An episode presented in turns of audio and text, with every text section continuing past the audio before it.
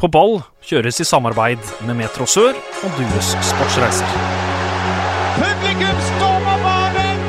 Ta dette målet og heng det opp på veggen! Det er noe av det fineste jeg har sett! Tverrligger ned i bakken og opp i nettaket. Fantastisk! Hisøy, seier er vår lønn. Hisøy, fremtiden er grønn. Bli på suksess og ta del i det som skjer. Øya, Isøya. Hjertelig velkommen til en ny episode med På ball. Vi har kommet til episode 103. Det er straks desember. Juletida er eh, allerede i gang, men Start de skal om få dager spille Obos-finale mot eh, enten KFUM eller eh, Kongsvinger. Da tenkte jeg at rett og slett var eh, passende å invitere de to som eh, skriver og synser mest om Start. førstegjest har vært her før, i episode nummer 24. Jobber til daglig i Feven og er kjent for eh, 100 meter hekk på Kjevik-lufthavn på eh, deadline day. Dagens eh, andre gjest er eh, sportssjef i Fevennen, men har også en karriere i lokalfotballen på Hisøya. Steffen Stenersen og Pål Vollebekk Jørgensen, hjertelig velkommen. Takk for det. Takk for det. Hisøy, det var imponerende at du hadde gravd fram det, Mats. Ja, det er ikke mye man kan klare å finne på journalister. Fordi at når jeg søker på navnet deres, så kommer jo egentlig bare alle artiklene dere har, har eh, skrevet. Er det mye å gjøre om dagen? Ja, det blir jo det nå. Nå har det jo vært stille en periode, eh, i hvert fall for, for min del, men eh, nå tar det seg opp med start, og da tar det seg opp for min del òg, så det skal bli hektisk framover. Hektisk romjul, nei, før jul. Ja, plutselig så blir det romjuløy, man vet, Ja, man det jo vet jo aldri. Man vet jo aldri. Eh, Pål, åssen er det å være leder i en eh, sports... eh, hva skal jeg si? Sportsavdeling på, på Feven. Nei, det er veldig fint, og jeg syns det er ekstra gøy når det skjer ting. Vi lever jo at eh, ting skjer, og at det koker litt. Og nå begynner det å koke etter en litt uh, rolig periode. Vi har jo flere ting vi skriver om. Uh, Vipers har jo vært vært en viktig, viktig del av sporten nå en stund, etter at de tok steget. De reiste til Japan, de jentene der, og avslutta serien. Start avslutta serien, så nå har det vært litt sånn puste ut. Sende Steffen av gårde for å lade litt eh, batterier. Og så, og så er vi klare for å eh, trykke til når uh, Start skal spille én, minst én ultraviktig kamp. Steffen, du skal jo flytte. Har kjøpt deg hus med din eh, kjære. Åssen eh, fungerer det nå som du skal flytte, og nå som Start faktisk skal begynne å spille litt fotballkamper igjen? Passa meg ypperlig at den kampen ble flytta fra, fra lørdag til søndag. Et start var ikke så veldig fornøyd, men for meg så gikk det, var det midt i blinken. Flytte inn på fredag, pakke ut på lørdag, kamp på søndag. De hadde egentlig spurt om åssen er forholdet mellom deg og Det er sånn type podkast vi er, er invitert Her vi- her går vi i dybden. Det går bra enn så lenge. går i dybden. Du, eh, forrige uke så hadde vi en eh, spørsmålsrunde som vi pleier, eh, med Jesper Mathisen og Rune Hægeland, så sier det seg selv at det tok veldig lang tid, men det var kjempegøy det, men eh, vi kjører på med spørsmålsrunde her også. Først så kan vi begynne å stille spørsmål til deg, Pål. Mm. Hva vil du si er den beste egenskapen til Steffen? Den beste egenskapen til Steffen er at han er selvstendig. Utrolig Steffen? koselig podkast her. Ja, Steffen, du skal få lov til å si uh, den beste egenskapen til Pål. Bare at han er meget dyktig. Altså, han, som menneske så har han jo mange gode egenskaper, men i min relasjon til henne i arbeidet så er han jo en, bare en veldig dyktig eh, journalist og sjef. Ja, men dyktig er jo en, en egenskap, det. Ja, jeg- Sørlandet eller Trøndelag? Steffen, du kan begynne. Oi, oi, oi. Håper ikke det er noen hjemme som hører på. Nei, jeg må si uh, Sørlandet sånn uh, Ja, vi i Sørlandet en knapp seier, da. Det Skal jeg svare på samme Ja, ja, du skal svare på samme spørsmål. Du vet jo svaret. Ja, da sier jeg Trøndelag, da, siden, bare for å hjelpe Steffen litt der. Nei, jeg har jo satt mine bein der oppe noen få ganger. Det er veldig hyggelig folkeferd, da. Det må jeg si at eh, det å komme til Trondheim og ta bussen fra, fra Hva heter flyplassen igjen? Værnes. Værnes til eh, Lerkendal, det har jeg gjort noen ganger. Det er fantastisk med de der trivielle bussjåførene. Det er jo klimaet som er på en måte eneste som trumfer her, da, selv om det har, nå har regna i fire måneder i strekk. Ja, nå er det tungt. er det jo sommeren på Sørlandet som er, som er verdt det. Man lever liksom for de to-tre månedene man har sommer, Virkelig. rett og slett. Um, drar du på Palmesus, eller drar du vekk fra byen den helga? Jeg drar vekk. Jeg kom til den alderen at eh, jeg ikke syns det er så veldig spennende. Jeg hadde nok kanskje ikke syntes det når jeg var 25 heller. Jeg har vært en gang på, på Kvartfestivalen, så jeg drar helst vekk. Jeg blir. Du blir. Eh, eller på Et par siste årene så har vi begynt å leie ut leilighet for, fordi økonomisk så gir det mye mer mening, liksom. Men eh, i år jobba jeg på Palmesus med, som TV-reporter, og det var veldig gøy, og jeg syns egentlig at eh, Jeg er jo glad i fest og moro, og da er jo Norges, en av Norges største fester kommer til nabolaget, liksom, så føler jeg at jeg må være der.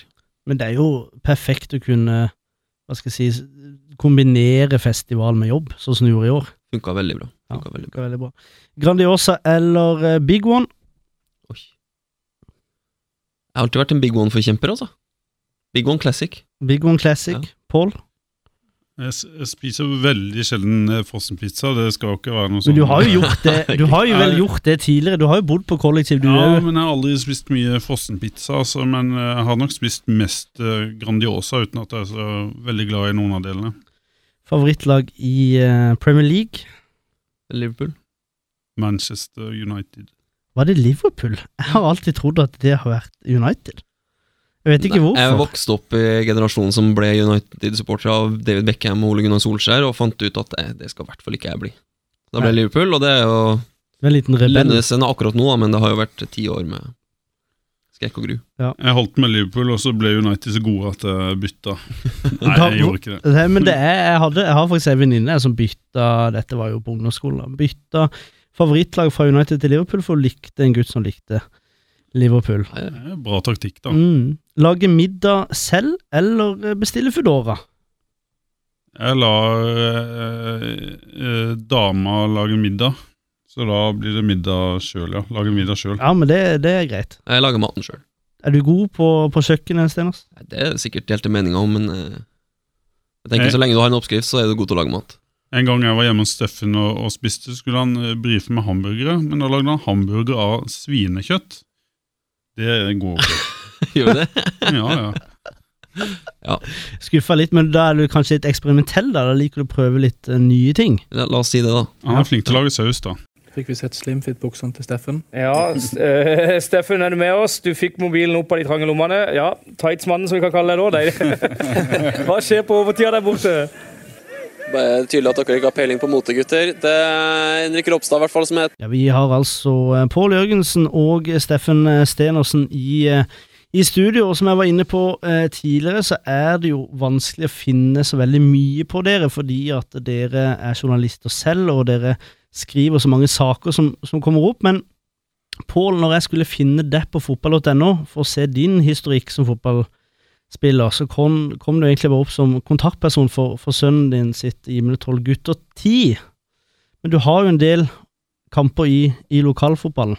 Kan Det- du ikke eh, fortelle litt om det? Jo, det kan jeg jo gjerne. Jeg har jo vært en eh, fotballgutt som veldig mange andre, og drømte jo om å bli fotballproff og spille på landslaget og de greiene der. Og spilte fotball til jeg var 3-24 år i lokalfotballen i Arendal. Jeg hadde jo ikke de ambisjonene når jeg skjønte at eh, å være fotballspiller og komme fra Arendal, det er en kombo som eh, ikke hører sammen overhodet.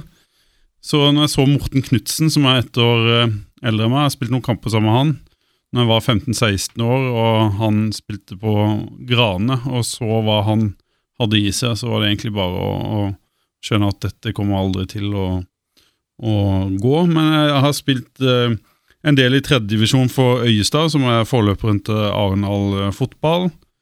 Og så reiste jeg vekk for å studere. Da spilte jeg for Hisøy i fjerdedivisjon i noen år før jeg kasta inn håndkleet.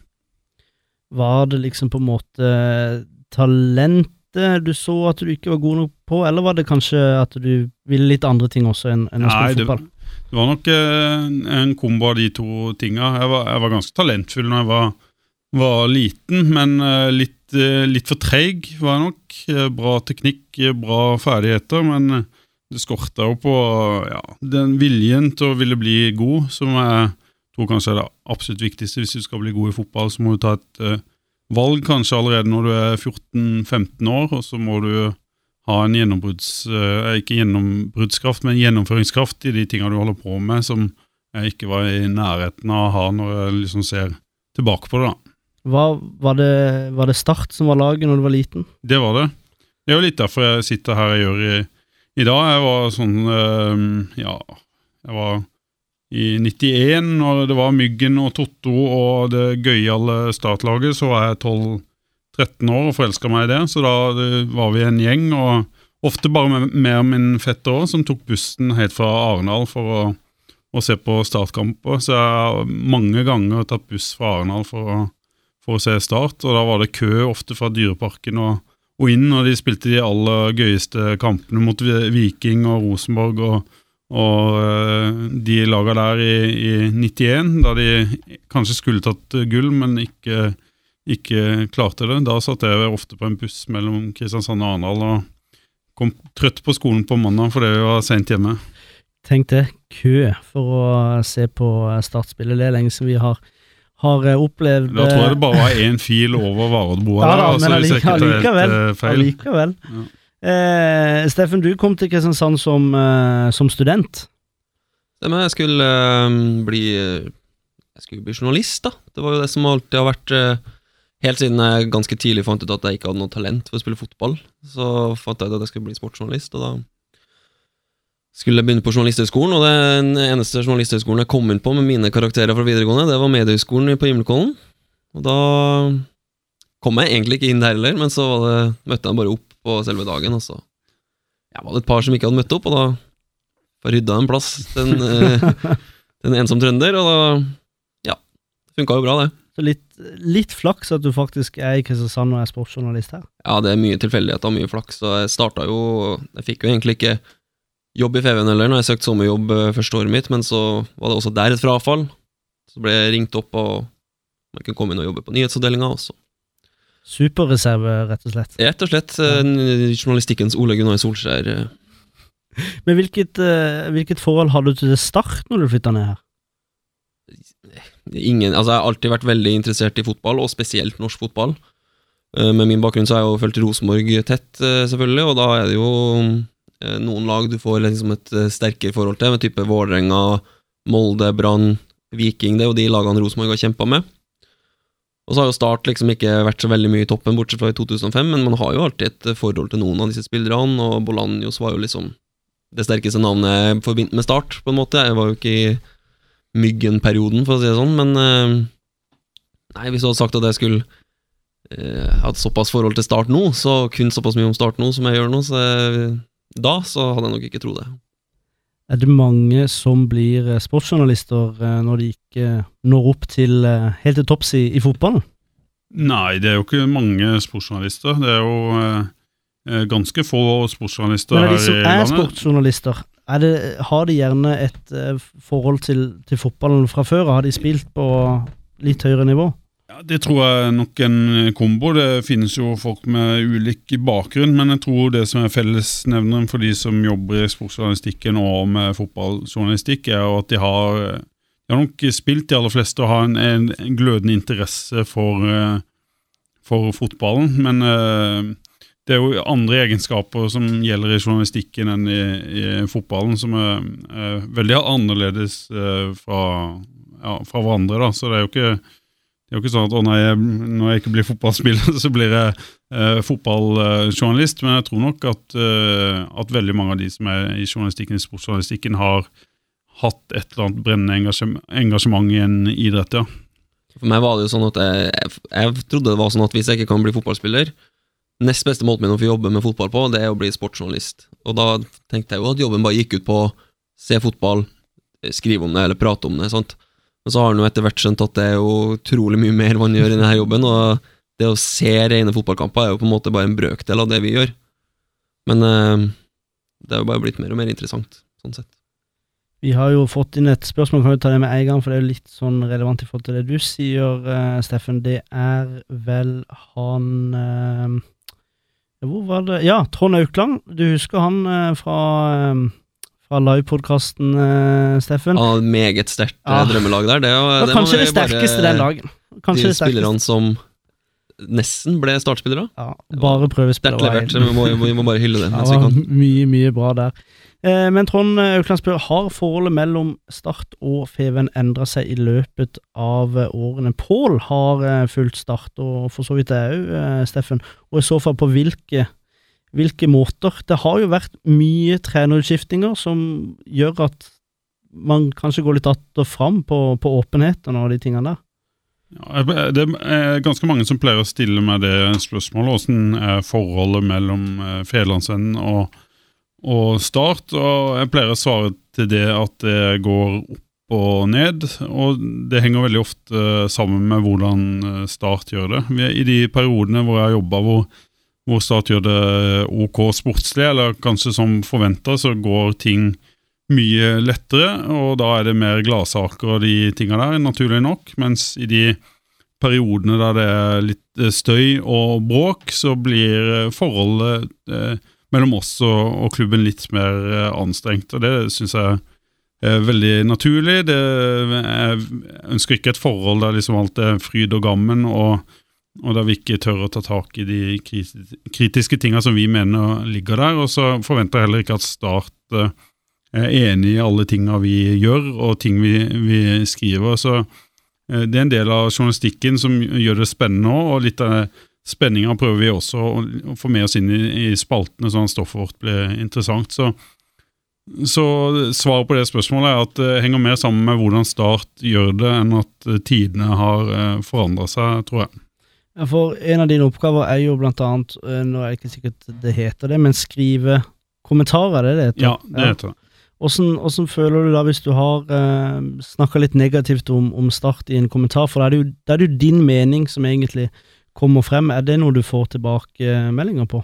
Ja, det gjør jeg jo stadig. Det er ikke alle som er alltid like fornøyde med ting jeg skriver, men det forventer jeg heller ikke. Og det var nok eh, mer kjente mer på det personlig før, når jeg var yngre. Eller det, ja, eh, når jeg var yngre, så syntes jeg det var litt vanskeligere å håndtere enn det jeg eh, gjør nå. Det er jo på en måte en rolle, det er jo personlig, men samtidig så gjør jeg det jo en, eh, en rolle. og Jeg, jeg går aldri til angrep på personer. Hvis jeg skriver noe om personer, så skriver jeg om jobben de gjør i, i Start, og det tenker at de som jobber i den klubben og har de rollene de har, enten det spillere eller trenere eller ledere, må, må tåle å bli satt et kritisk søkelys på, for det er det Eh, Start er en annerledes bedrift enn alle andre bedrifter. Det er på en måte allemannseie i, i Kristiansand, og de er eksponert, og de skal være åpne, syns jeg. Og så må de tåle å bli kikka i korta òg, da. Det er jo det er en veldig spesiell jobb for oss som er såpass tett på start. Vi er jo, er jo stort sett på trening i hvert fall tre-fire ganger i uka. For det er jo der spillerne er tilgjengelige, og det, da, da, da danner du jo et bånd, eller til, i hvert fall en kjennskap til de aller fleste. Og da kan det jo være ganske vanskelig for noen hvis du plutselig skriver en negativ sak, da, eller sant, For man snakker sammen daglig, og det er liksom det å klare å holde den avstanden til den profesjonelle avstanden, at man ikke blir på en måte helt kompis, og at man bare skriver de sakene Start vil ha. For da gjør ikke vi jobben vår. Er det en eh, vanskelig eh, balanse til tider, eller går det helt fint? Det var vanskelig i starten, men det, det er jo sånn som man, det er en sånn fingerspitzgefühl som man lærer seg etter hvert. da. At, uh, og Det er jo på en måte Det er jo litt naturlig også at min arbeidsgiver er jo Federlandsvenn, det er ikke Start. Jeg skal ikke skrive det Start vil. Jeg skal på en måte Jeg prøver å ofte speile det eh, supporterne vil, i hvert fall skrive for, for alle Start-supportere, og ikke for Start. Og så finnes det veldig mange typer supportere, og det, det opplever jeg jo veldig. Det finnes jo de som er veldig kritiske og har en negativ holdning til en del av de tinga som har skjedd de, de siste åra. Og, så har du de som eh, ikke sier så mye, og så har du de som følger dette laget tykt og tynt, og der ingenting eh, er galt. Eksempel, alt, eh, alt som gjøres i, i klubben er godt arbeid. Så vi må ta, hensynta ganske mange, og prøve oss å og, og gi folk både gode intervjuer med profiler og spillere, og også drive litt eh, kritisk eh, journalistikk på, på ting som har eh, skjedd. Det er det beste ofte hvis vi får litt kjeft fra begge sider etter en sak, for da har vi på en måte Da er det engasjement. Da er det engasjement, også, for det er også viktig for oss at det vi skriver faktisk eh, vekker følelser, eller betyr noe for de som leser. da Vi vil ikke bare ha en sak som ingen bryr seg om, på en måte. Men føler dere at Start eh, av og til ønsker å komme med egne saker først? At de tar det på sin, altså ikke start.no, sine sosiale medier og plattform, er det, eh, kan det være et problem? Det er jo ikke, Jeg ser ikke på det som et eh, problem overhodet. Jeg tenker at stat må, må gjøre akkurat det de ønsker. Både det å, å være, at de vil være først ute med, med nye spillere som kommer, eller kontraktsforlengelse. eller det må være, Vi kan ikke på en måte bli sure på Start fordi de ønsker det, og så må vi heller prøve å være så gode at vi, vi klarer å finne ut av ting eh, før det skjer. og det det klarer vi ganske ofte, men eh, ikke alltid. Men eh, vi kan på en måte ikke legge noe sånn personlig eller bli, bli sure eller gretne av det. Det er sånn denne verden, verden er. og Så må de holde på med sitt, og så må vi holde på med vårt. Og så må vi prøve å liksom ha en felles forståelse av sånn det er. Og, eller at sånn er det. og og Der er jo Start kanskje litt enklere å jobbe med enn veldig mange andre som er, blir møter media for første gang, eller som opplever oss og, og, våre arbeidsmetoder. At de er jo vant til å ha journalister hengende rundt. og, og så er det selvfølgelig nytt for noen nye som kommer inn, f.eks. de nye investorene, å forholde seg til media på den måten som de har gjort, men det lærer jo de òg etter hvert hvordan ting henger sammen. Dette handler jo om erfaring både for vår del og også for de sin del. Altså, der, jeg syns vi mangler litt uh, intensitet. At vi, vi, vi, er litt, vi, er der, men vi er ikke der. Altså, vi, er der, men vi er ikke der. Altså, vi Ja, som Tapio Heikile sa, så er det klart for uh, ukas der. Men ikke der. Jeg har skrevet opp to punkter. Jeg tenkte vi skulle begynne med det ferskeste først. Lars Jørgen eh, Salvesen. Vi nevner han en god del i denne podden her. Tolv kamper for godset, syv mål. Også I tillegg så skåret han eh, to mål for, eh, for Sarpsborg på, på vårsesongen.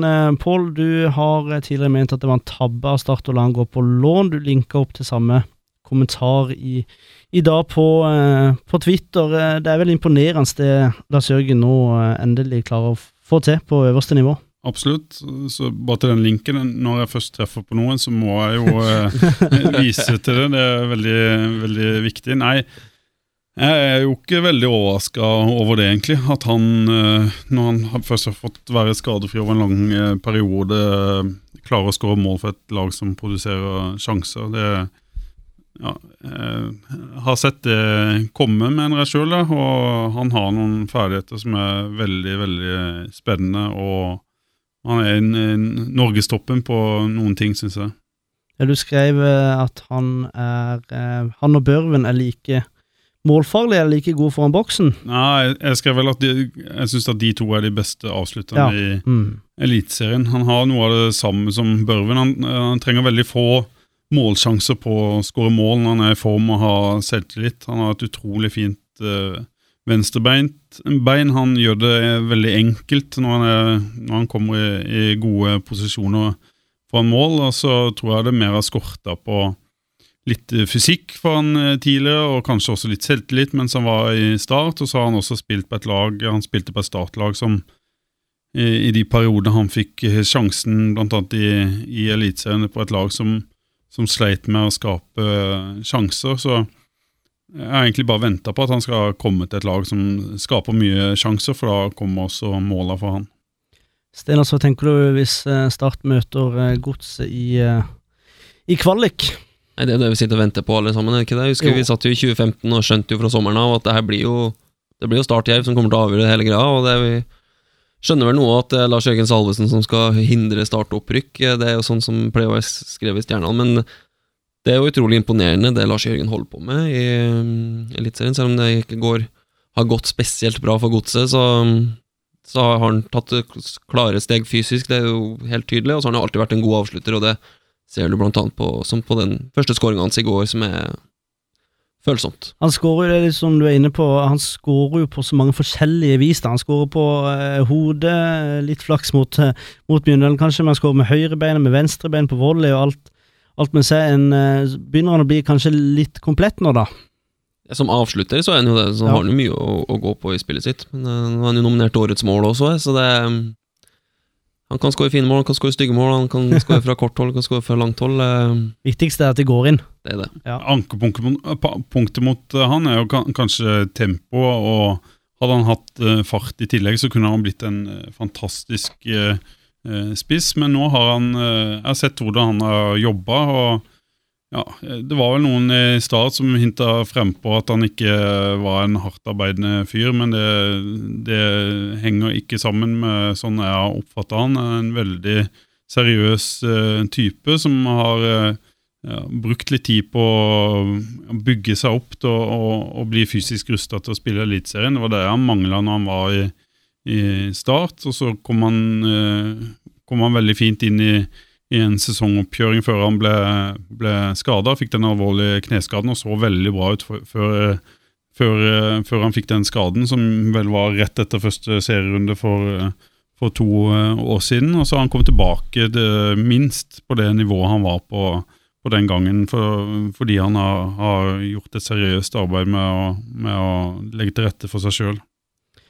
Neste punkt er landslaget Norge. Stenås, hvor, eh, hvor mye er du involvert, holdt jeg på å si? Hvor mye ser du på landslaget? Jeg syns landslaget var utrolig kjedelig for et par år siden.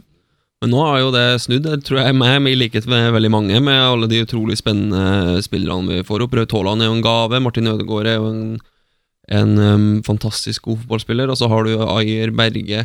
Så nå er det jo utrolig gøy å se. En altså, enorm sentrallinje. Ja, rett og slett, Mm. og som kan være der i 10-15 år framover, ikke sant? Så i hvert fall bli en enorm sentrallinje, om det ikke er det akkurat nå. Helt riktig.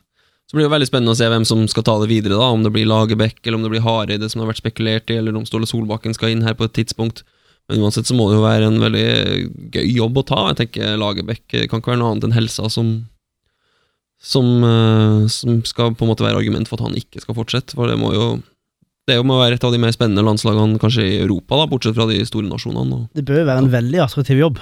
helt klart, og, Og, det, og det er lenge som man kan si at det norske landslaget har vært en attraktiv jobb. Ja, det har jo vært så grått, og det har vært så trist, og det har liksom ikke vært noe som helst, og du har på en måte ikke sett noe håp, og så kom Ødegård, og så tenkte du kanskje her kan det bli noe. Og når du i tillegg ser at det, det kommer opp flere i sentrallinjen her, så, så er det vanvittig spennende. Økte prisene nå i NFF til opptil 500 kroner per billett på, på langsida for eh, voksne. Leste en twittermelding for noen dager siden, husker ikke hvem som skrev det, men han skrev at må vinne folket før man skrur opp prisene. Er, det, er han inne på noe, eller er det faktisk så attraktivt nå å, å gå på landskamp og Nations League? Det, jeg tror jo det kommer til å bli utsolgt uansett. Det tror jeg òg, og det er derfor de skrur opp prisene, fordi de tror det sjøl òg. Hvis ikke så hadde de jo aldri gjort det. Men eh, det går an å være enig i det, men en skjønner at Fotballforbundet har, har lyst til å tjene eh, kroner på dette landslaget. og og hvis de klarer å, å selge ut uten å ja, Jeg vet ikke, 400-500 kroner Hvis du ser på eh, internasjonal fotball, så, så må du jo fort opp i de prisene der for å få billetter. Jeg tror det blir rift om, eh, om disse billettene her, så jeg, jeg reagerer ikke så, så veldig sterkt på det. Det er tilbud og etterspørsel, det. Ja. Klassisk. Hvis, det, hvis det er fullt på Ullevål til 500 kroner billetten, så er jo det folk villige til å betale. Så det Men det kan, det kan samtidig være fornuftig, i hvert fall for en fotballklubb eller et eh, forbund, å ha litt forutsigbare billettpriser, sånn at uh, slipper de der reaksjonene. Men nå har det jo ligget kanskje for høyt i, i en tid der landslaget har ligget litt eh, brakk, og så og plutselig skrur de opp igjen når det går bra. Det kan jo oppfattes også litt sånn eh, ja, at, eh, at de ikke tar eh, supporterne på, på alvor. Stenås, du nevnte noe rett før opptak. Skal vi ta det, eller skal vi ikke ta det? Taper jo Heikele. Der hadde du en nyhet. Ja, på tanke på jinglen, altså, leste jeg vel i dag at uh, vår uh, verdens Vi må vel kalle en uh, i hvert fall topp tre hyggeligste fotballspillere jeg har noen gang møtt. Ja. Tapio Heikele han skal tilbake til Finland og spille for eh, Honka. Jeg lurer på om det var Rogalands Avis eller Aftenbladet som, som meldte det. Det er jeg ikke sikker på. Verdens hyggeligste finne, kan vi i hvert fall Ja, altså, den mannen, han er om han har spilt i Start eller Sandnes Ulf, så er det alltid hort å hilse på hvordan går det. Og... Så vi ønsker taper jo Hekle alt godt, og selv om han kanskje ikke var, vil stå igjen med gullskrift i historiebøkene til Start. Men det vil han definitivt eh, gjøre i på ball. Han står tross alt bak, eh, bak jinglen. Jeg tror vi får si at det var det i ukas eh, Der, men ikke der. Vi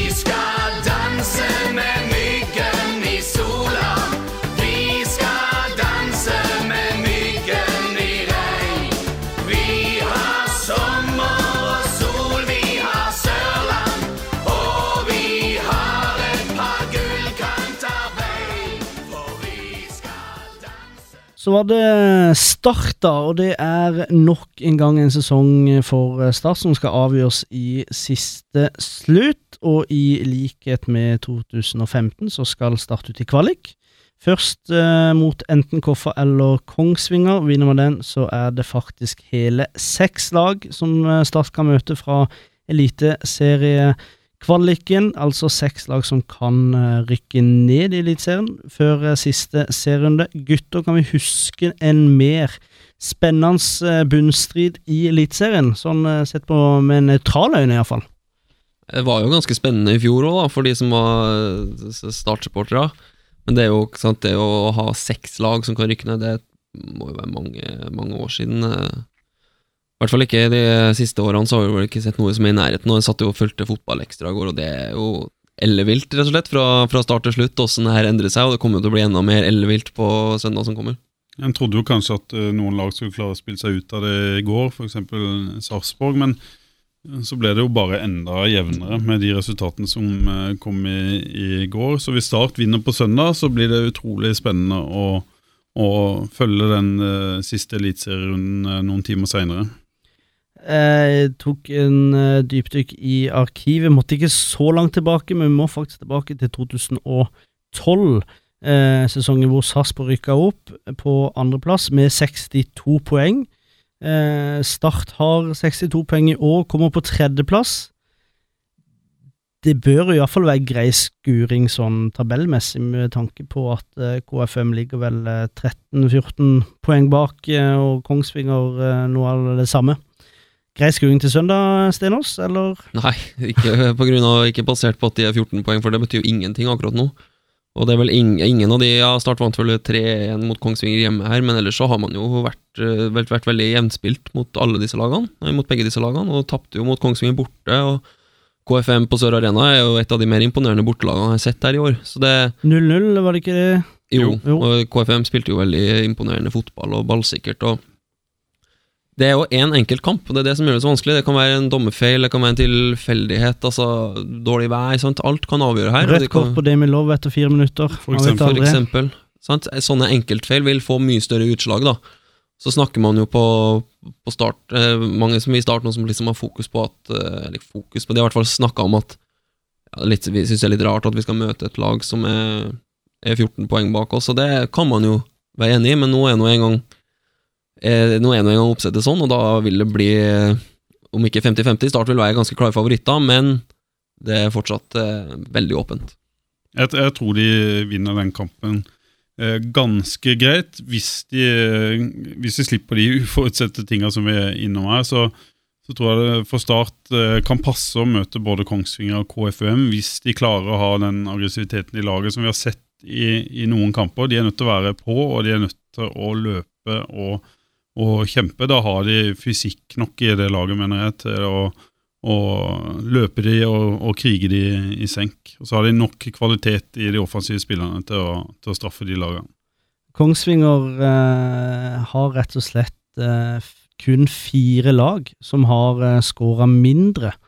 Det er Jerv, Strøm, Notodden og Tromsdalen. Og så har de pluss én på målforskjell. At, eh, altså de har sluppet inn ett mål eh, mindre enn de har eh, skåret. En ganske sånn spesiell statistikk når du er så langt oppe på, på toppen.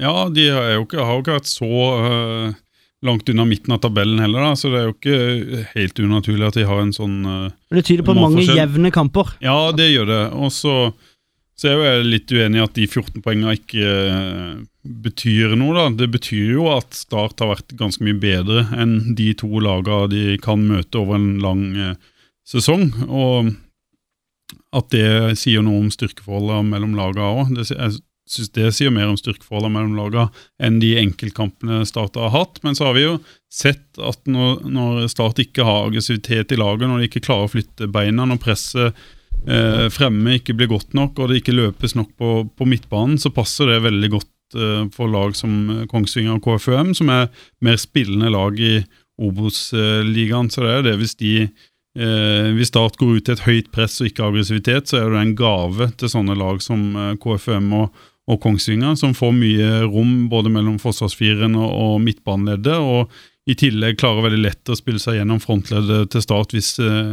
hvis de ikke er aggressive nok. Adem Gyven har jo stått for 15 av 37 mål for Kongsvinger. Det er eh, Man kan trygt si at det blir viktig å, å passe på han hvis det blir Kongsvinger. En, Sten, altså. en sånn evig førstedivisjonslegende. og hvis han skal opp i Eliteserien, så er han liksom ikke helt oppe på nivå, men i førstedivisjon så er han King Kong hele tida.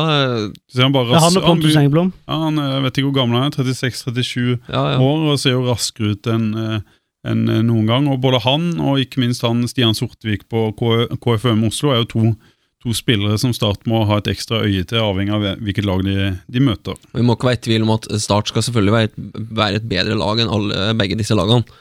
eh, basert på kvalitet og det at du sier at du har 14-15 poeng foran.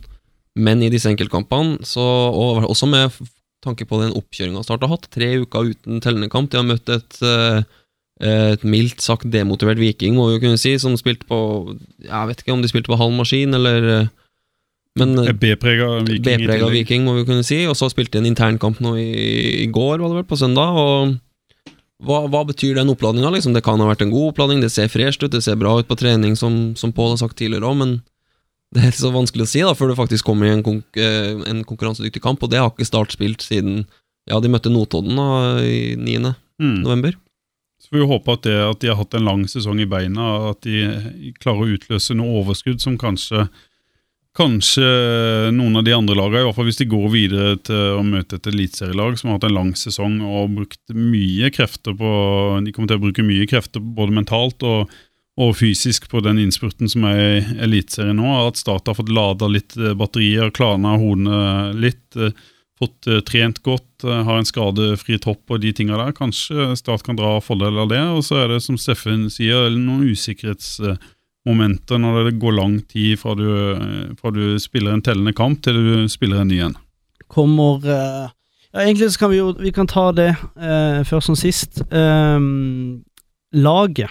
Hva, hva tror vi kommer til å skje der? Backfiren er ganske enkel med, med Ropstad, Vikne, Lowe og, og Jørgensen. Den er grei. Eh, og så er det vel et spørsmålstegn om det blir eh, Segberg eller eh, Isaac Tvum. Det er jo egentlig Ja. det, det eneste spørsmålstegnet slik det, slik det ser ut nå, er jo eh, i utgangspunktet er vel åp ganske åpent på, ja, blant på de to posisjonene sentralt på midten der, men vi er vel ganske sikre på at Armu er Han er, ja. Han er banker Han er- som han er spiller benker. der, og så er det nok mellom Segberg og Twoom, som du sier. Hatsic har vært inne i, i, i diskusjonen. Altså Foran så er det jo, virker det som Eman Markovic har tatt plassen til til Kevin Cabran, og så er det Aron Sigurdarsson i selvskreven, Kasper Skånes Det er, jo, det er jo jeg fornøyd med, da. Altså, eh, Cabran syns jeg jo eh, Vi så det i internkampen i går. Det er, det er lite som, som skapes. Han er virkelig ikke påskudd. Ema Markovic han sleit kanskje litt med å, å komme i gang i kampen, men eh, Markovic har jo bare blitt jo, bedre og bedre. Ja, han har det. Eh, og nå ser han jo veldig, rett og slett veldig skarp ut. Mm. Så hvis vi bytter ut Cabran med Markovic, da, så har vi eh, Skånes, Ramsland og, og Aron Sigurdarsson på, det, det, laget det eh, blir, det ser vi jo på, på trening nå, at hvis ingenting skjer der, så, så blir det de. Og det er på en måte eh, bra at de bytter på laget, og så er det på en måte synd, syns jeg, at en spiller som eh, Kevin Gabran Jeg er helt sikker på at han har mye mer inne enn det han har fått vist. Jeg syns vi har sett det på noen treninger. Jeg så en trening i forrige uke hvor han plutselig er på. og og gå med heva hode og har eh, fysiske forutsetninger, han har teknikk, han har to gode føtter, han har masse kvalitet, men så er det et eller annet skorte på der, som jeg tror kanskje handler om, om eh, selvtillit. Og så eh, tror jeg han kanskje er den eh, siste som vil innrømme det, med typen han er og sånne ting. Men jeg håper, jeg håper han kan eh, allikevel spille en rolle, for det er en veldig fin mann hvis han er på. og og er i form og, og får bruk for i den kvaliken her, tror jeg. Hvis eh, Start vinner på søndag, da, så skal de jo uh, møte et eliteserielag over, over to kamper. Først på lørdag 7., og så onsdag 11. Uh, hva er sjansene til Start? Nå vet du jo uh, Det er bingo hvem, eh, hvem man møter, men eh, er det noe man kanskje Start burde håpe på enn en andre? Ja, det må man jo si. At jeg tenker jo at Mjøndalen og Ranheim kanskje har det kalle det laveste toppnivået, eller at det i hvert fall er et lag, det er to lag som jeg ikke ser at Start står noe spesielt tilbake for.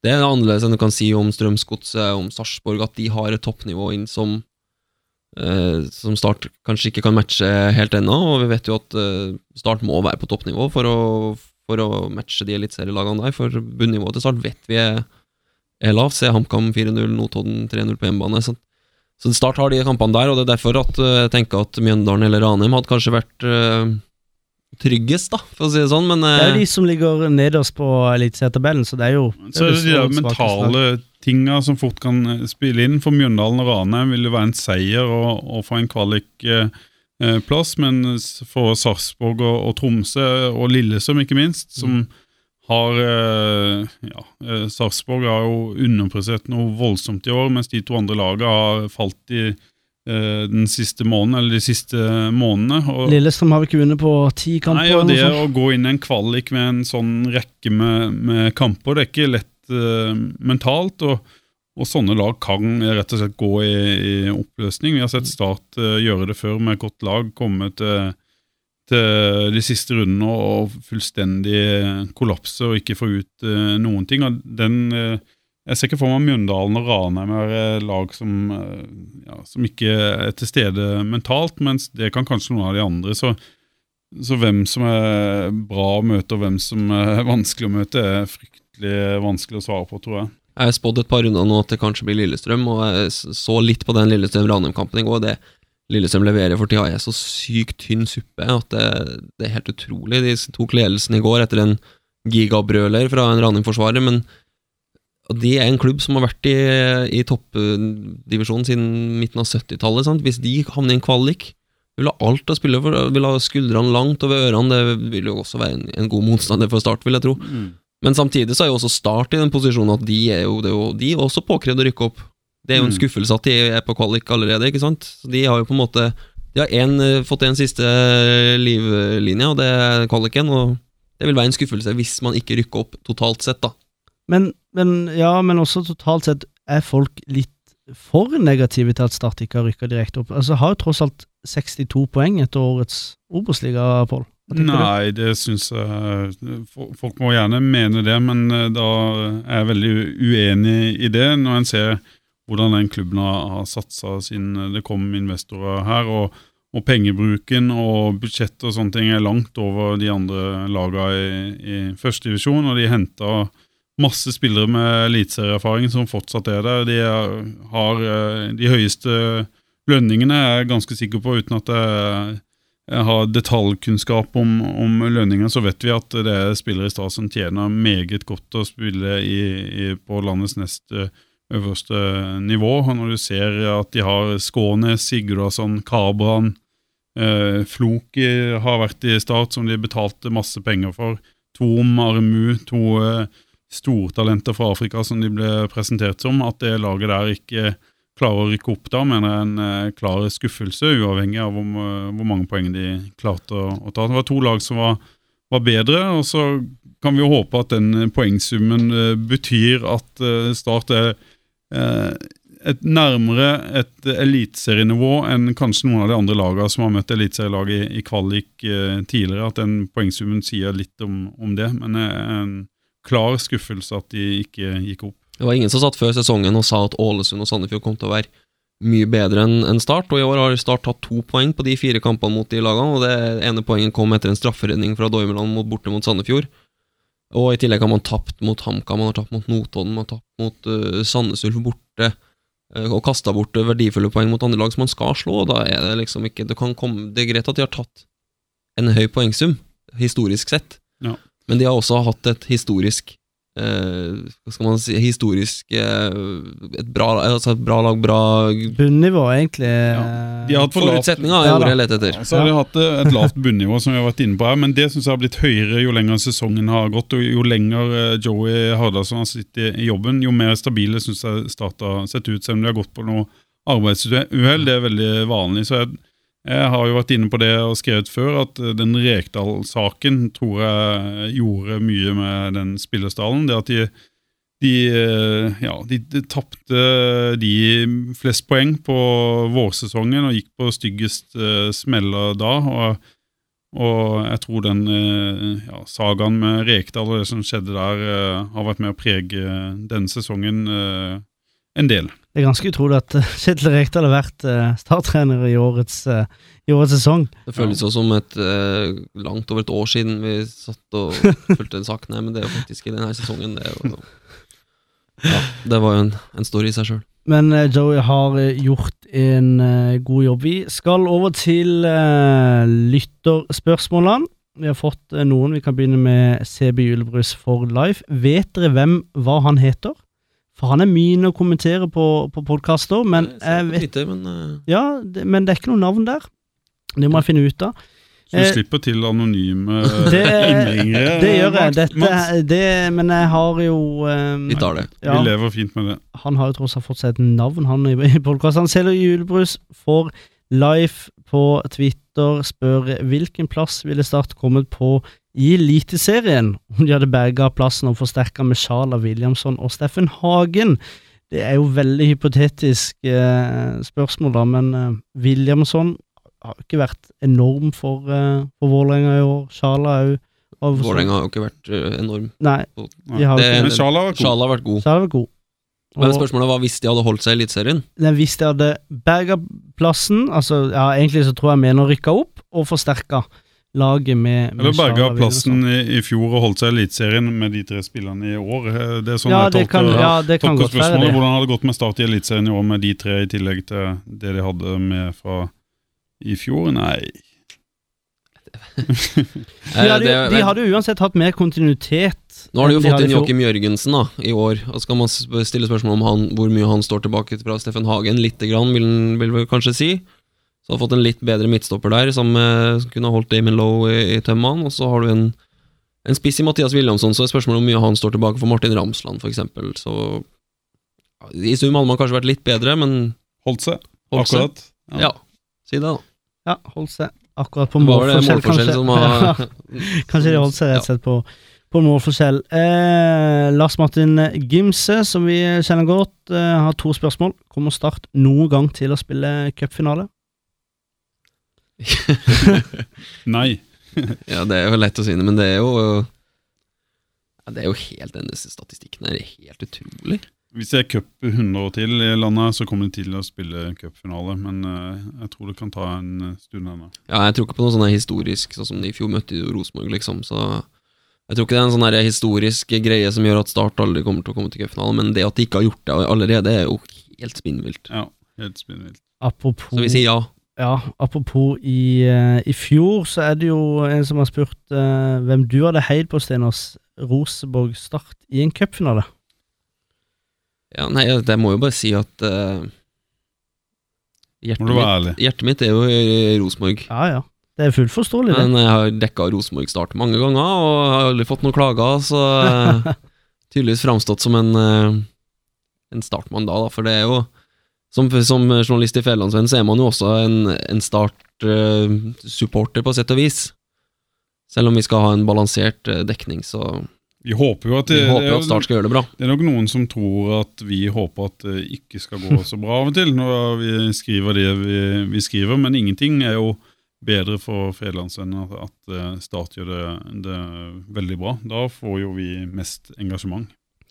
John Rippland har eh, kommet med et spørsmål til Stenersen. Hvor mye forberedelser lå det bak kommenteringen av Våg Ekspress i eh, 2018? altså den kampen som ble utsatt da lysene gikk, og det gjensto 3 minutter og 29 sekunder. Det var svært lite.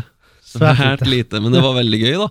Vi fikk jo til og med et, eh, ett mål, eller? Vi var jo, det Ja, var jo Ekspress aldri som vært eh, kontra inn et, eh, Ja. et mål. ja. Det har aldri vært så mye medie på Karus noen gang, tror jeg. Det var jo vi og NRK og Ja, kult stunt, da. Vi Ja, valgte var- å gå inn og sende den kampen live. Verdens korteste fotballkamp, var vel det vi Ja. kalte det.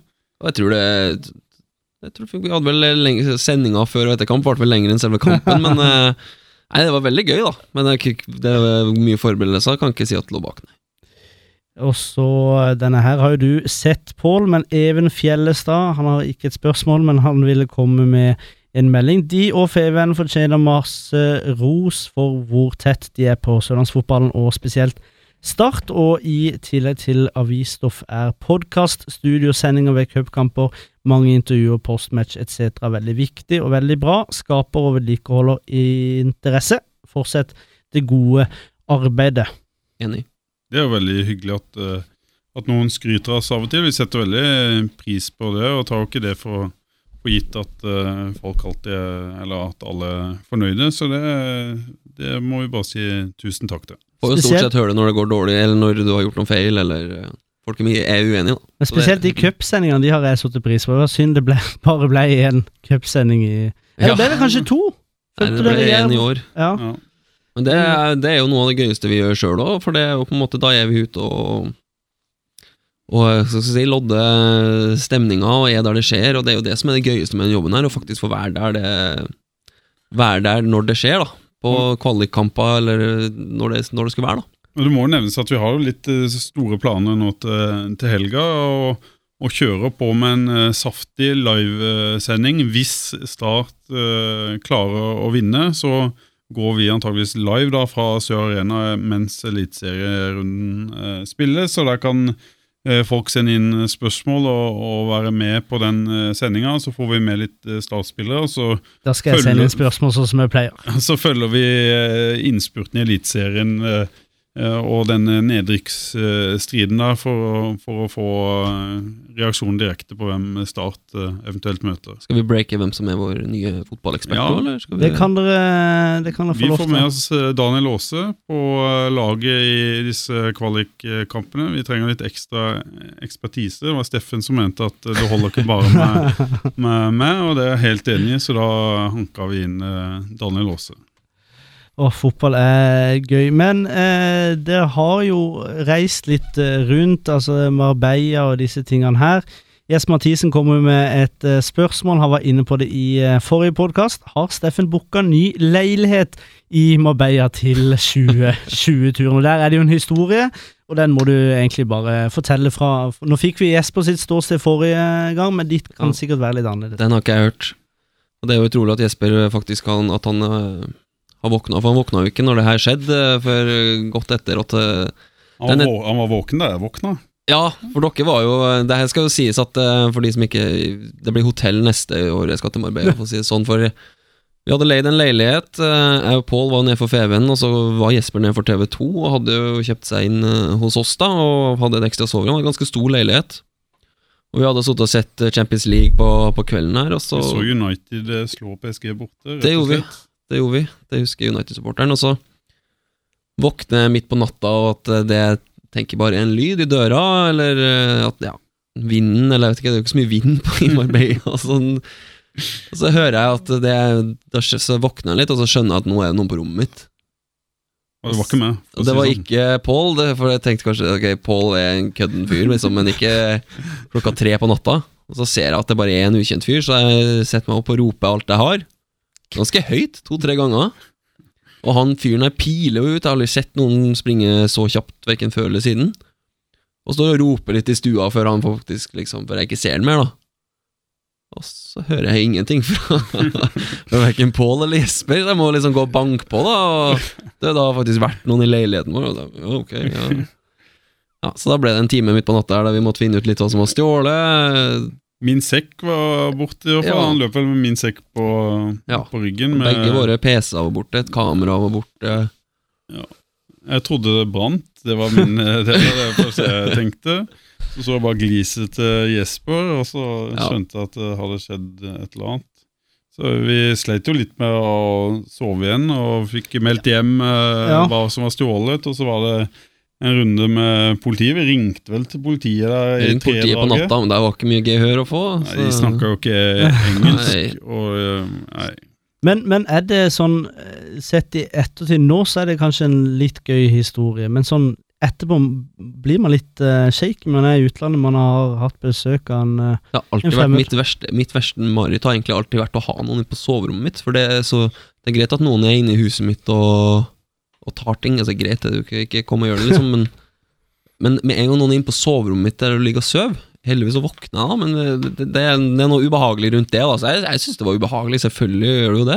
Ja, og Det syns jeg òg, og, og da kan jeg skjønne hvordan eh, Steffen hadde det, som faktisk hadde en eh, ukjent uh, mann inne på rommet sitt. Du vet jo aldri hva folk uh, gjør. Og så hadde nok uh, vi kanskje vært litt eh, sløve og ikke tatt eh, gode nok eh, forholdsregler. Det var et sånt gitter der som gikk an å låse. Vi hadde låst alt av dører, men det, døra var vel brutt opp på verandaen. og og de som, har vært i, eller de som bor i Marbella, sier jo at det er enormt mye kriminalitet og masse penger. Et sted med masse penger og masse rike folk. Og, og en må være veldig nøye når man reiser dit med å skalke alle, alle luker. altså. Og som du sier, Det ble jo en god historie i etterkant, og en historie som Jesper var veldig kjapp å få på fronten på tv2.no i løpet av tidlig morgentimene der. For de som søker på eh, Steffen Stenersen og Pål Jørgensen eh, TV 2, så får de opp et eh, fint bilde hvor eh, Pål ser litt mer seriøs ut enn en det, Stenas. ja,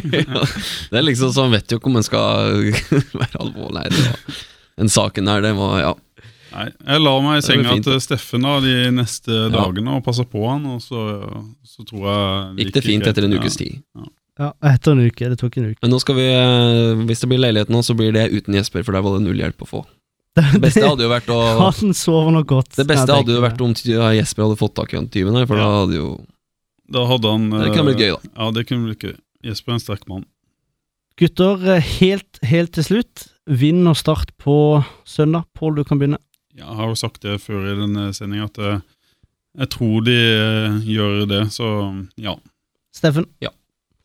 Og da sier vi bare tusen hjertelig takk til eh, Pål Vollebekk eh, Jørgensen og eh, Steffen eh, Stenersen. Og så ønsker vi ikke minst Start masse lykke til i eh, kvaliken. Vi minner om at vi er på Twitter, der heter vi på ball podkast podcast. På Facebook heter vi på ball, og der du lytter til podkast. Og så heter vi også på ball. Vi eh, snakkes og høres. Det er skåring!